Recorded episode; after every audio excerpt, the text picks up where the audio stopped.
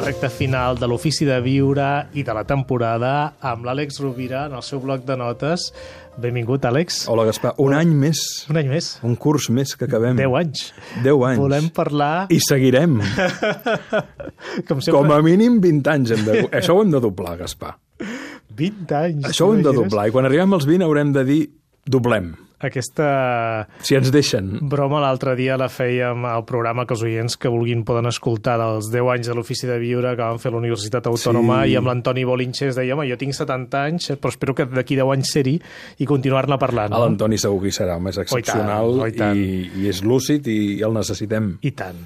Doncs amb l'Àlex, eh, de vegades hi ha apunts personals que podrien haver escrit, que podries haver escrit en un dietari, i avui és un d'ells, parlant del te.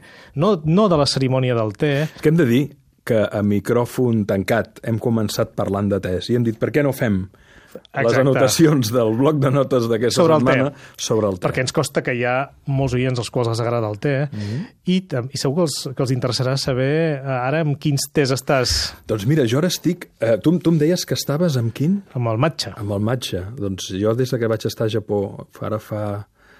ja deu fer cinc anys, que no l'he tornat a provar el matxa.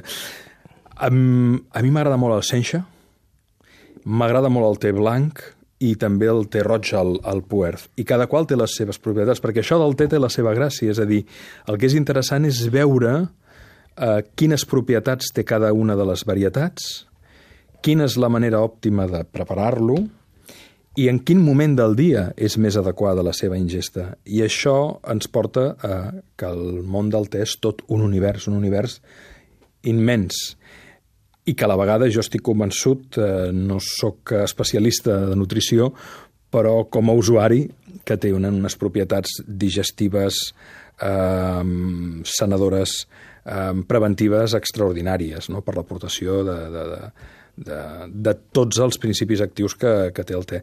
Jo en aquest sentit estic en aquests tres i també com a, com a bloc, com a punt del bloc, que també ho parlàvem fa un moment, Gaspar, hi ha el que és el ritual de preparació del te.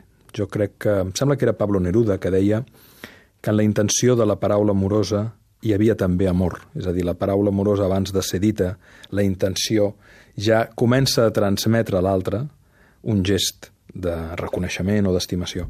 Amb el te passa igual. És probablement tan tan sanador o tan terapèutic el fet d'incorporar-lo al cos a través de l'aigua calenta com en la seva preparació. És a dir, el disposar d'un espai per un mateix, de fer-ho amb consciència, d'observar l'aigua, d'observar el temps, d'olorar-lo, perquè ens porta a les sensacions, ens porta, ens porta en l'ara, ens porta en la consciència. Hi ha un parèntesi moltes vegades de la nostra quotidianitat on eh, ens oblidem del jo idea i som te. I probablement eh, vet aquí que a les cultures que fa anys que, que, que el gaudeixen tenen un propi ritual que va molt més enllà de lo que és la pura ingesta. I ara recordo unes paraules que em deia un amic, eh, un home savi em deia, pensa que tota forma d'aliment, la nostra vida se sustenta sobre la mort i el sacrifici d'allò que incorporem en el nostre cos. No? I igual que la preparació del te té tota aquesta, aquesta part de, de consciència i de plaer, que és en si mateix l'organolèpsia i tot el procés de preparar-lo, sinó també recordar que, que hi ha quelcom que surt de la terra que és sacrificat per guarir-nos a nosaltres. Penso que aquesta consciència l'hauríem de tenir molt present. La nostra vida se suporta sobre la mort d'altres formes de vida i hauríem de ser molt més conscients d'això.